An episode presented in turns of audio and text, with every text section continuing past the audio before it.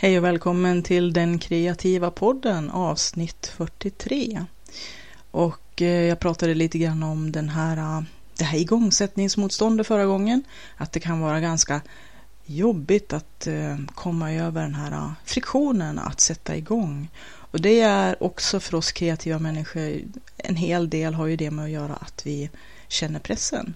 Och att känna press det är inget bra läge för kreativitet samtidigt som att vi ibland måste kanske pressas lite grann för att det ska bli någonting för oss. Och eh, jag känner ju att eh, ofta är det så med att sätta sig ner och spela in en podd för att då måste man ju väldigt uppenbart sätta igång och prata. Och prata är ju lite sådär småjobbigt för att man hinner inte riktigt formulera sig på samma sätt som när man till exempel skriver. Och därför är det ju lite mer utsättande att eh, sätta sig och prata in en massa kloka saker på kommando. Och att göra saker och ting på kommando, det har sina sidor. Och eh, oftast så, bara det kan ju få en att sätta klackarna i gruset. Liksom sådär. Och kreativitet kommer ju sällan på kommando eller på beställning. Och det här med att eh, vara kreativ på beställning, som jag pratade om tidigare, det här med att brainstorma, att man då inte får sätta upp några hinder som eh, att man måste vara bäst eller att man måste ha de bästa förslagen eller komma på allting skitbra från början. Det kommer bara att hämma ens kreativitet å det grövsta. Man måste vara ganska fri i, sin, i sitt kreativa skapande samtidigt. Och det här är ju lite paradoxalt och lite motsägelsefullt kan man tycka, men också samtidigt så är det någonting man måste ha. Man måste ha båda delarna. Man måste ge sig själv friheten att kunna skapa fritt och ibland får man göra det genom att lura sig själv eller sin egen hjärna att tänka det här är inte på riktigt, det här är bara ett test, jag ska bara, det här ska jag bara göra sen slänger det eller så får vi se vad det blir och blir det någonting som går att använda så kanske jag kan använda det, annars så skiter jag i det. Att vi måste lura oss själva, alla de här tricksen att hacka runt sin egen hjärna är oerhört användbara och jag är fullt på det klara med att jag gör det och jag är fullt på det klara med att det funkar. Att genom att eh, avdramatisera och säga till sig själv att nej, men det här räknas inte, nu är det här bara på test, jag bara gör det här ändå på skoj och så får vi se och så experimenterar jag med och det gör ingenting om det blir misslyckat eller att experimentet inte blev som jag ville. Ofta brukar det leda till någonting bra. Antingen har jag lärt mig någonting nytt Oftast lär man sig mest genom att experimentera fritt och utav misstagen så lär man sig nästan allra mest. Samtidigt som att många gånger så har det blivit någonting fullt användbart som jag sen blir jätteförvånad att oj. Men det är det att jag släppt min kreativitet fri. Samtidigt som att om man bara ska gå omkring och vänta på att musan ska infinna sig eller att kreativiteten eller inspirationen ska komma och att man liksom har det som någon slags eh, kamouflage eller gömmer sig bakom att nej men jag kan inte göra det här nu för att eh, jag måste bli inspirerad först eller jag måste känna mig kreativ. Då kommer ju nästan ingenting att bli gjort. För vi funkar ju så, vi människor tyvärr, att vi gör ju ingenting om vi inte har någon deadline, eh, för det mesta inte. Bara tänka hur det funkar på de flesta jobb, sådär. Och att vi måste ha en viss press, för att annars gör vi ju ingenting. Vi bara sitter och väntar eller ska förbereda oss eller researcha in absurdum eller hamna i någon slags analysis paralysis. Och där är jag ju jätte Eh, jätteofta. Just i det här eh, researchstadiet, där kan man ju också till och med hitta fullt godtagbara ursäkter att faktiskt inte klämma ur sig det som man egentligen har tänkt att man ska göra. För att man har ju så mycket man måste ta reda på först. Och det, man måste ju förbereda sig och de måste vara de rätta omständigheterna och det är inte tyst nog eller det är för tyst här eller jag måste vara där eller jag måste vara här och jag har inte de här grejerna. och ja, en massa saker sådär äh, som gör att vi hela tiden hindrar oss och som jag känner, som jag pratade i en podd för ett par, tre gånger sedan, den här vandringspodden faktiskt, att eh, jag måste hitta bättre rutiner och eh, jobba in mig själv i att kunna jobba lite mera flygande och lite mer på resande fot och lite mer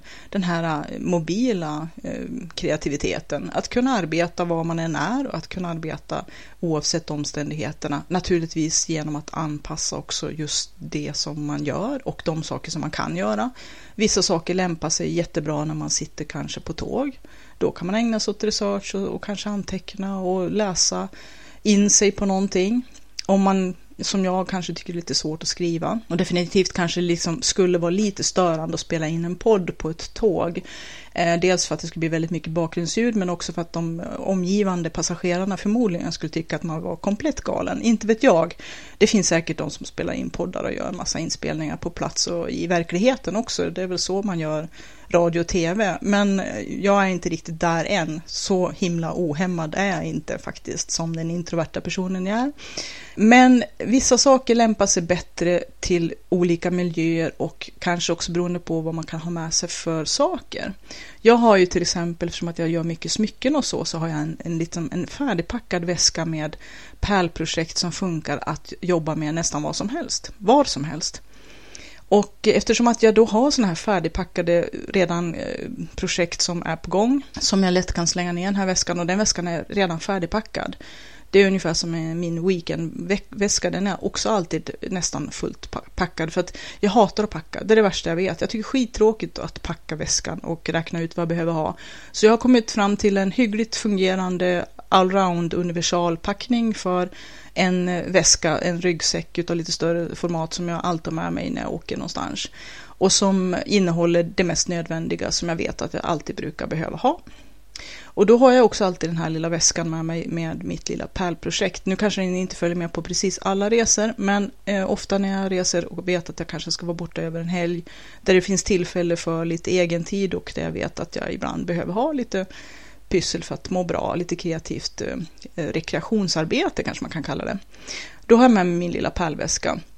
Och det är som en lite större necessär med alla de nödvändiga sakerna inklusive en liten egen sydd eh, pärlmatta som jag kan ha pärlorna på utan att de far åt alla möjliga håll. Och eh, ofta kommer den till pass. Eh, andra gånger kommer den inte till pass, men jag har den alltid med mig. Därför att om jag skulle bli sugen eller behöva pärla i terapisyfte så ja, då finns den alltid med. Och jag tänker att det här med att hela tiden sätta upp så mycket olika praktiska och neurotiska eller känslomässiga eller vilka hinder man nu vill kalla det för eh, runt omkring sitt skapande, det måste man ju försöka hitta olika metoder och eh, olika arbetssätt.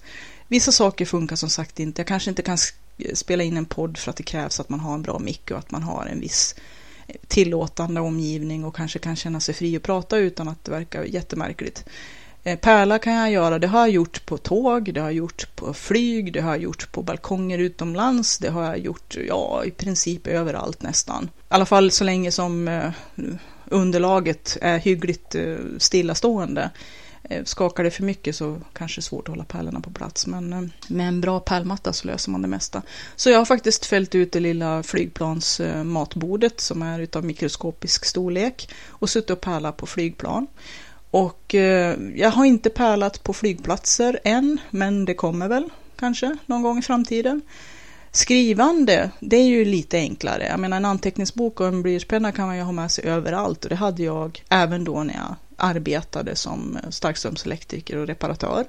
Att även om den mestadels eh, användes anteckningsboken till att skriva kopplingsinstruktioner och en massa sånt där tekniskt Eh, så ibland om en tanke eller en mening eller en liten dagboksanteckning eller ett minne eller någonting dök upp så kastade jag ner det i det här anteckningsblocket på ett eget blad. Som, de anteckningsblocken var bra för man kunde riva ut enstaka blad och spara det som man kanske inte direkt hade som, som det inte stod någon eh, kopplingsanvisning eller någon märkskylts arkivering eller någonting sånt där. Så eh, jag eh, har hela tiden i och för sig anpassat mig eh, efter omgivningen och förutsättningar att kunna lite grann eh, lågintensivt kunna jobba kreativt eller att i alla fall kunna fånga idéer och tankar och fragment, minnen och, och uppslag i en liten anteckningsbok. Men också mer och mer börja använda telefonen som jag har pratat om i tidigare poddar här med att använda väldigt bra appar för att kunna spela in ljud och för att kunna också kunna anteckna. Man kan ju också använda kameran som ett otroligt bra verktyg både för att lagra olika saker som man vill komma ihåg. Det kan ju vara allt ifrån eh, bokomslag till eh, etiketter på ja, vad det nu än är för någonting som man behöver komma ihåg eller som man inte vill glömma men man kanske inte har riktigt den, det spacet att kunna sätta sig och skriva ner en anteckning. Men också att spela in en kort minnesanteckning till sig själv eller skicka ett sms. Många använder ju mejlen som en en funktion att fånga upp tankar och att även skicka sina egna manus till sig själv för att ha som en säkerhetskopia utanför sin egen dator eller sin egen hårddisk som ligger så att säga i molnet eller ja, utanför. Så att eh, man har alltid en säkerhetskopia på det senaste man har skrivit, men man kan ju också skriva då minnesanteckningar till sig själv, skicka som sms, tala in ett meddelande eller som ett mejl. Men att eh, jag tänker att det är himla viktigt att minska allt det här, eh, sätta igång och starta motståndet, men även det här eh, att fortsätta jobba löpande och flygande som är lite grann min målbild det närmaste året då kan vi väl kanske säga. Ha som, som avsikt att kunna bli mer mobil, hitta mobila arbetsrutiner, att kunna göra mera när jag är i främmande miljöer och gör andra saker. Naturligtvis inte samtidigt för att det här med multitasking som jag pratade om förut, det är kanske en våt dröm att kunna hoppas att vi skulle kunna göra en massa saker, vara supereffektiva och bla bla bla, men det brukar oftast inte bli någon kvalitet. Men däremot att det blir väldigt mycket dödtid många gånger. Sitter man eh, och väntar i väntrummet till tandläkaren eller man sitter och väntar på bussen eller man väntar på att ens barn ska spela en fotbollsmatch klar, man sitter vid ringside eller vad det nu kan vara för någonting. Det finns ju väldigt mycket dödutrymmen som istället för att sitta och slösurfa eller hålla på och eh, liksom frenetiskt nästan tvångsmässigt kolla sina mejl eller Facebookflöde eller vad det kan vara, så kan man ju faktiskt använda tiden till någonting bra. Eh, mm, någonting kreativt. Och eh, egentligen om vi ska gå omkring och tro att vi måste ha ett års time-out ifrån livet eller liksom vara tjänstledig ett halvår eller åka till eh, Timbuktu för att sitta på en veranda för att kunna författa den stora novellen, då lär den aldrig bli av. Och att det här med att tro att vår inspiration eller vår musa eller vår kreativitet måste först knacka på dörren till oss för att vi ska få någonting ur händerna. Det är lite grann att lura sig själv och gömma sig för att slippa kanske ta tag i saker och ting. Att vi behöver ha, trots att kreativiteten och skapandet som jag i alla fall upplever måste vara ganska fri, ha friheten att få eh, hitta sina egna vägar och inte ha så liksom tvingande eller hårda ramar, kanske satt utifrån. Också lite grann det som vi sätter upp för oss själva allt det här praktiska och kanske neurotiska eller neurologiska eller känslomässiga eller familjemässiga eller jobbmässiga. Eller, vi hittar ju väldigt ofta många ursäkter till att vi just nu inte hinner och inte kan och inte vill och vad det nu är, energin räcker inte till och vi är skittrött. Och det är jag också. Jag har haft en vecka nu när jag var skittrött faktiskt. Och det kanske beror på att man har någon förkylning som ligger och är lite lömsk i bakgrunden och inte bryter ut eller vad det nu är för någonting. Och årstiden börjar gå mot det mörkare hållet och sådär. Och ibland får man faktiskt vara förlåtande till sig själv. Att nej, men jag kanske inte riktigt räcker till allt som jag hade hoppats eller planerat och sådär. Absolut. För jag tror att slå på sig själv, det är ingenting som kommer att främja varken ens kreativitet eller ens produktivitet eller ens effektivitet. Och man kommer inte få mer ur händerna bara för att man säger till sig själv att man är en usel människa, att man skulle och borde och bla bla bla och allt det där, Jante och alla andra förmaningar som man kan få från alla möjliga håll, utan man måste vara fri i sitt skapande, men sen samtidigt också vara kanske lite hård, eller hård är fel ord, men att sätta rimliga krav eller gränser eller deadlines, att säga att jag har som mål att, och så sen skriver man ner en punkt. Och det, fin- det ska finnas luft så att det ska vara ett realistiskt mål. Jag har pratat mycket om mål förut också, men Också som jag tror att man måste helt enkelt bara sätta igång. Och det var väl lite grann det som jag ville komma fram till. Väldigt lång omväg för det. Ber om ursäkt. Men som jag upplever också då, speciellt när jag ska spela in en podd, för att det krävs ett visst ett visst sinneslag, eh, en viss sin, ett sinnestillstånd, att man ska känna sig liksom lite upbeat som de säger på engelska, att man ska känna att ja, men nu är jag liksom i ett bra läge att kunna snacka och jag är ganska klar över vad jag vill säga och jag har mitt lilla manus här nu och liksom en ingång och nu känner jag mig lite taggad och nu vill jag verkligen prata in den här podden. Men, och ibland så är det ju naturen sätter sina hinder. Jag har ju haft problem med eh, när man har haft en förkylning eller något rassel i halsen som jag hade tidigare här så då blev det liksom inte något inspelat för att eh, rösten räcker inte till riktigt. Jag känner ju också att många gånger har jag ett igångsättningsmotstånd som inte går att eh, skylla på förkylningar eller trötthet eller så utan det är bara det att man känner, åh gud, det är så pressande och nu måste jag klicka ur med någonting jättesmart och det ska bli jättebra och då är vi ju redan inne i det här som när det gäller brainstorming och allt kreativt arbete, att det får inte finnas en massa perfektionistiska, någon, någon kravbild som gör att vi liksom låser oss. Utan vi måste göra oss själva fria och ibland har jag faktiskt spelat in poddar, bara för att ta det som ett exempel, det kan ju handla om vad som helst. Många gånger när jag ska skriva så sätter jag mig ner med ett tomt blad och tänker att nej men alltså, jag ska bara starta dokumentet. Jag öppnar bara dokumentet och så kanske jag läser lite av det som jag skriver förut och då brukar jag oftast vara igång redan för att jag börjar små pipplar lite med någonting här och där och rätt vad det är så sitter jag och skriver och, och, kan inte sluta. Att det handlar om att komma igång helt enkelt. Även när det är motigt och man känner att herregud, jag har ingen som helst inspiration och jag har inte någon gnista och jag vet inte riktigt, jag känner mig inte ens, jag känner mig låg, jag känner mig inte alls nej liksom. Att ändå liksom hitta det här tricket och då är det många gånger för mig att avdramatisera med att eh, det här är bara test, det är inte på riktigt, jag ska bara göra en grej, jag ska bara låtsas eh, eh fjanta lite, experimentera lite grann här alltså, och så sen är jag oftast igång. Men att vänta på sin inspiration eller på musan eller på kreativiteten, att den ska knacka på dörren, det tror jag är väldigt, väldigt dumt för att då får man vänta.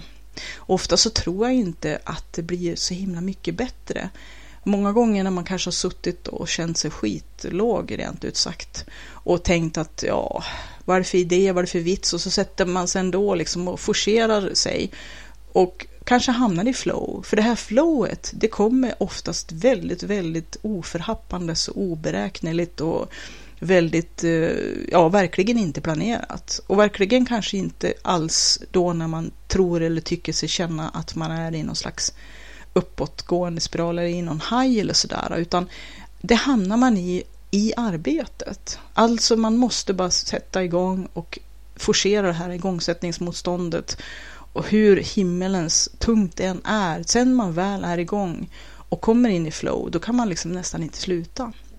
Och det som jag också märkt det är att om musan och inspirationen och kreativiteten infinner sig så gör den det alltid på fel tidpunkter. Det är när jag egentligen ska sova eller när man egentligen har helt andra plikter och saker som måste göras så att jag kan känna mig lite stressad över det. Att nej, nej, men nu när jag, åh, jag skulle vilja och så sen nej, det går inte och bla bla bla. Oftast också som precis innan jag har ska äta frukost, väldigt vanligt. Och det är ju jättekul, man kliver ur sängen och jätte, plötsligt bara slår ner som en blixt i skallen och man bara kastar sig på datorn och måste skriva allting på en gång direkt innan man tappar tråden. För att annars är det ju som jag har pratat om förut att det är himla lätt att ha en massa idéer, uppslag och sådär. Om man inte skriver ner dem direkt och de borta.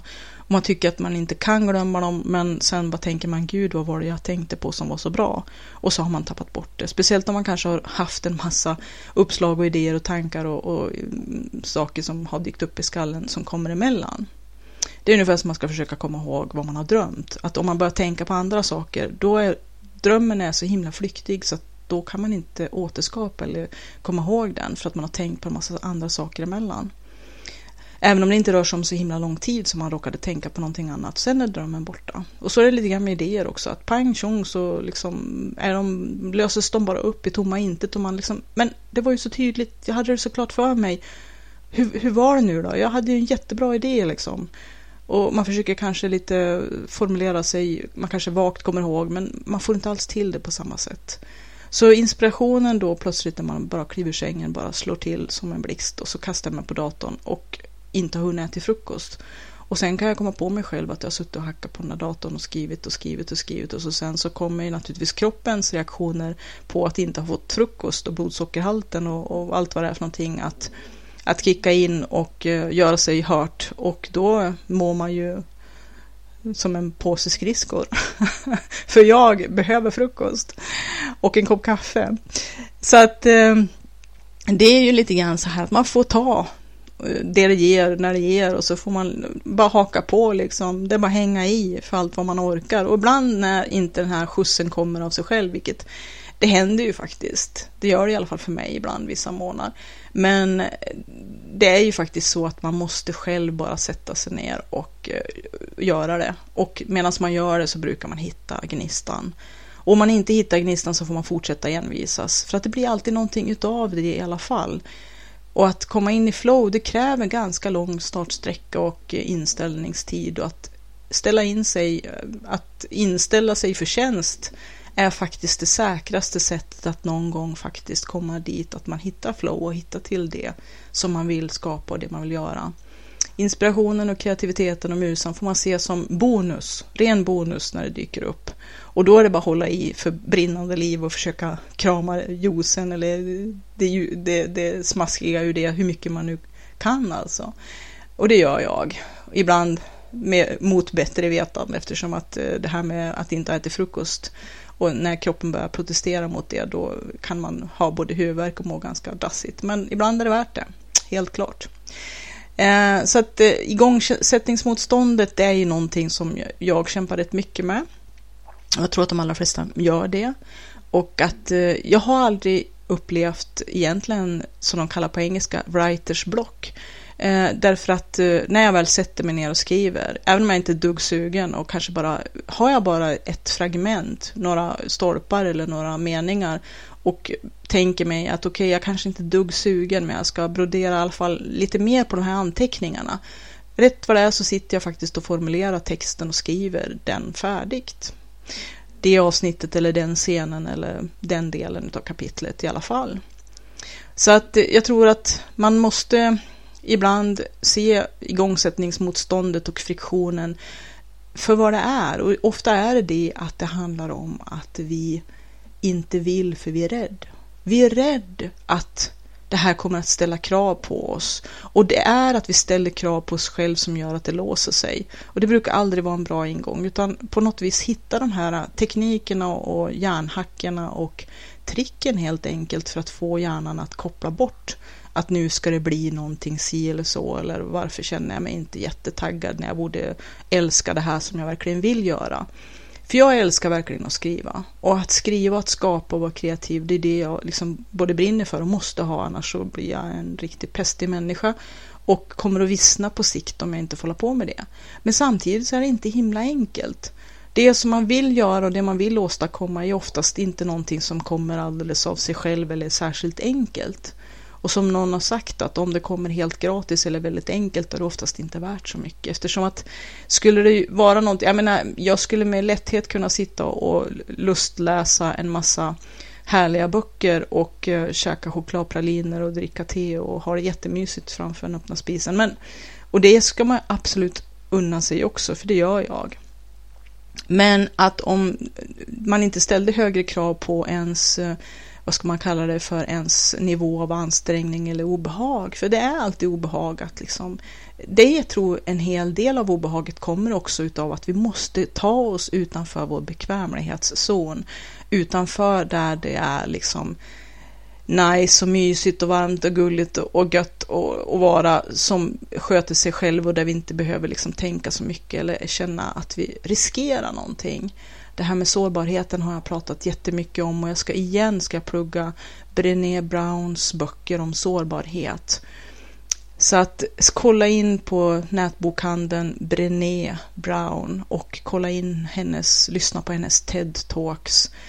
Hon är ju en hårdkokt eh, Texasböna som eh, skriver själv att det här med sårbarhet det var nog någonting av det mest vidriga hon kunde tänka sig att behöva utsätta sig för. Men att hon har forskat på det här under en lång tid och kommit fram till otroligt bra och användbara saker som jag tror, eller jag anser att alla människor faktiskt borde ha med sig i sin i, sitt, i sin grundverktygsväska eller sin, som, som ett grundverktyg i sitt liv för att få ett så bra liv och ett så givande liv som möjligt. Men det kommer kräva att vi har en hel del skinn med i spelet och att vi måste göra oss en hel del utsatta för och då menar jag inte med sårbarhet att man ska vara öppen och sårbar mot allt och alla helt urskillningslöst, för det är det verkligen inte. Men att man inte kan ha en tjock mur av en massa skydd och eh, skyddsmekanismer för att slippa eh, göra sitt emotionella, sitt känslomässiga arbete och att faktiskt våga saker och ting. Att sticka ut näsan och hakan och, och faktiskt ha en del skinn med i spelet. Det är det som gör att man kan uppnå stora vinster, både i interaktionen med andra människor och i, sitt, i sina relationer och i sitt arbete att man måste våga för att vinna samtidigt som man inte, det är absolut inte att man ska liksom vara som eh, slå upp portarna för vem som helst att roffa åt sig och, och kliva rätt över den och att inte sätta några gränser. Utan sårbarheten är någonting som man måste öppna upp sig själv för först och främst inför sig själv, att våga göra sina egna djupdyk som jag brukar säga. Och att eh, inte vara rädd för känslor. Därför att det är faktiskt någonting som jag tror att mycket av det kreativa arbetet, själva grundkällan till kreativiteten, det är ju våra tankar, våra känslor, våra upplevelser, att vi måste ha kontakt med dem. Och också då kontakt med andra i interaktion också, som jag pratade om i förra podden, om det här med att dela och att våga dela med sig. Att eh, våga mera med rätt personer i rätt sammanhang och av rätt skäl. Och att eh, läs Brené Browns om sårbarhet. Hon har ett antal eller flera böcker, finns på de stora nätbokhandlarna för en billig slant, pocketar för 50 spänn styck och sådär. Det är dina bästa investerade slantarna i ditt eget liv om du läser och tar del av det som hon har ganska smärtsamt forskat fram faktiskt för egen del också eftersom att hon som sagt var en, en hårdkokt uh, Texasbrud som hon har som motto laddad och klar. Och det är ju det här att det är mycket lättare att vara hård på ytan och eh, se anfall som bästa försvar och ensam är stark och hela den där balletten. Det är det absolut och då är vi skyddade mot att göra vårt känslomässiga arbete, både internt för oss själva och med oss själva, men också i våra relationer och med andra människor. Man måste våga blotta sig, man våga, måste våga utsätta sig, man måste våga få kontakt med en hel del av de här sidorna som det faktiskt är rätt smärtsamt att ha kontakt med och att våga jobba med och gå på djupet med.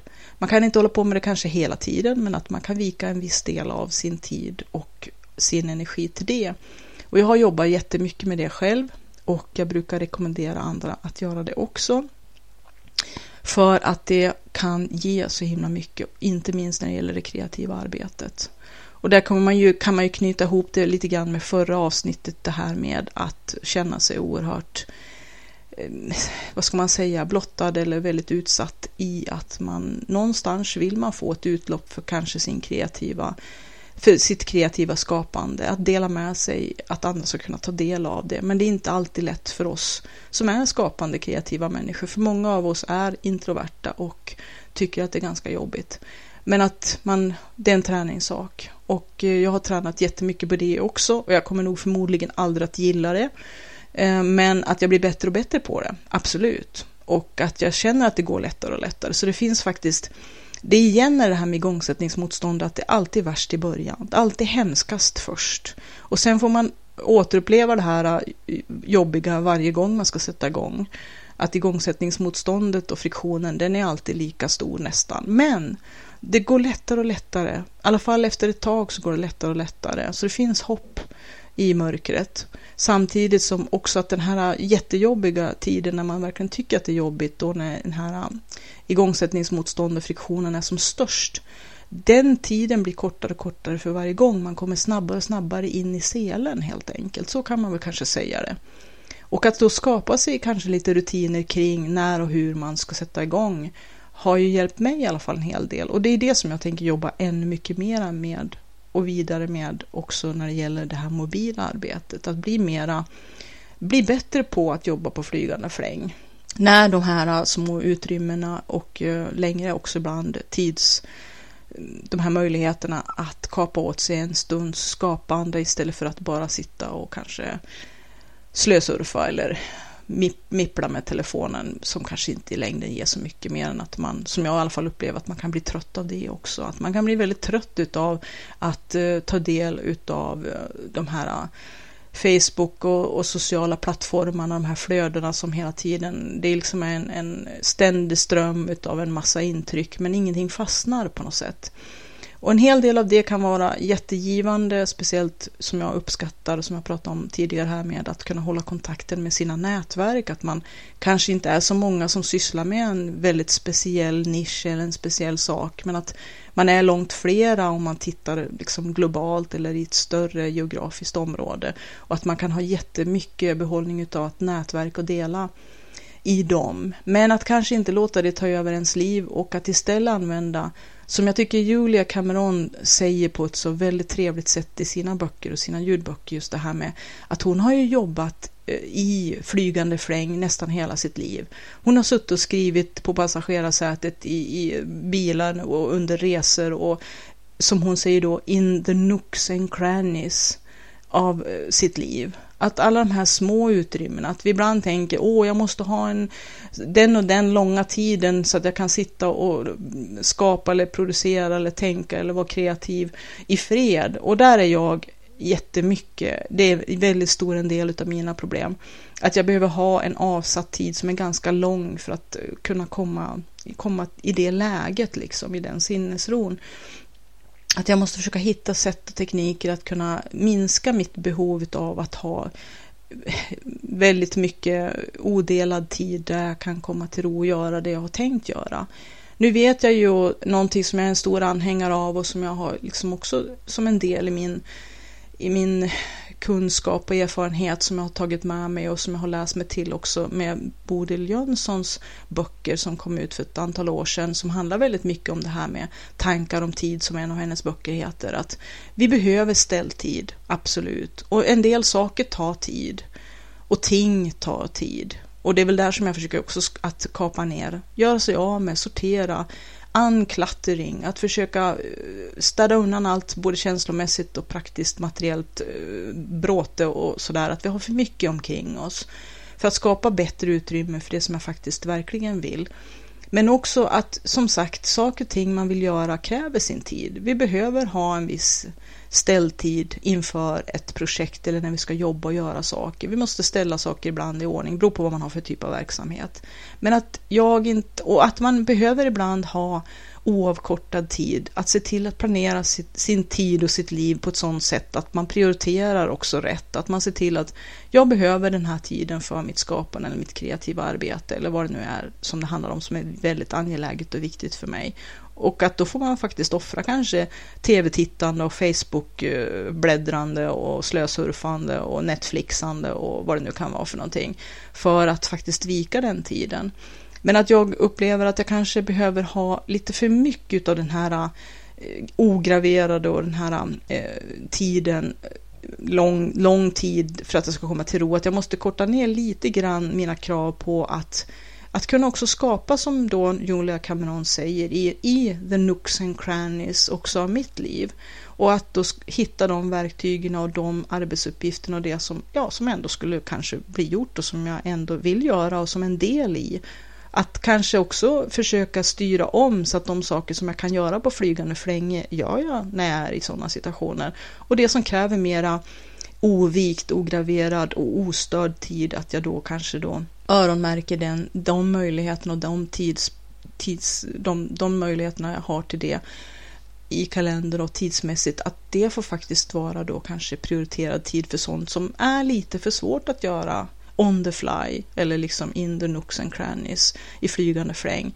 Att jag vill öka min mobila eh, arbets... Eh, förmåga som är helt och hållet för mig personligen. Jag tror att det finns jättemånga som gör jättemycket arbeten och sitter på tåg och de sitter med sina datorer och, och liksom hotellrum och gör en massa saker på massa olika ställen. Och det kan jag också göra till väldigt stor del, men att jag mm, lite mer behöver ha ensamhet och, och komma till ro i, i vissa sammanhang, men att jag måste träna mig själv.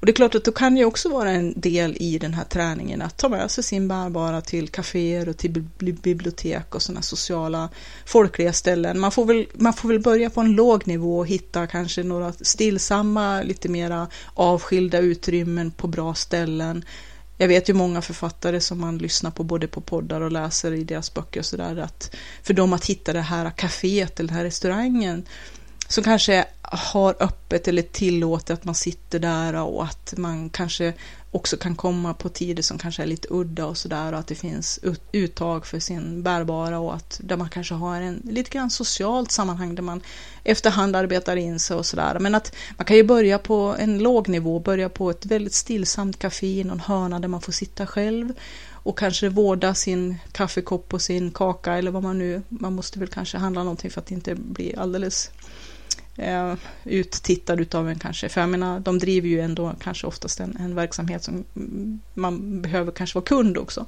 Men eh, sen kanske studierum på bibliotek eller bibliotekscaféer eller och sen kanske man kan öka sin eh, svårighetsgrad och gå över på lite tyngre grejer. Så då kanske man hittar någon eh, hotellfoajé som det kan vara trevligt att sitta i. Jag vet många som sitter och jobbar på det sättet. På flygterminaler och sådär. Det svåra är ju liksom att uh, ha den här tillvänjningen och att eh, också kanske hitta sina små trick att få det att funka. Allt har med sig kanske ett litet sånt här grenuttag så att man kan få lite ström till sin bärvara. eller vad man nu har för, måste ladda någon utrustning. Och att man kanske blir lite mer fena på att se ut just det rätta hörnet som kommer att göra att jag kommer att eh, kunna fungera i den här miljön så bra som möjligt.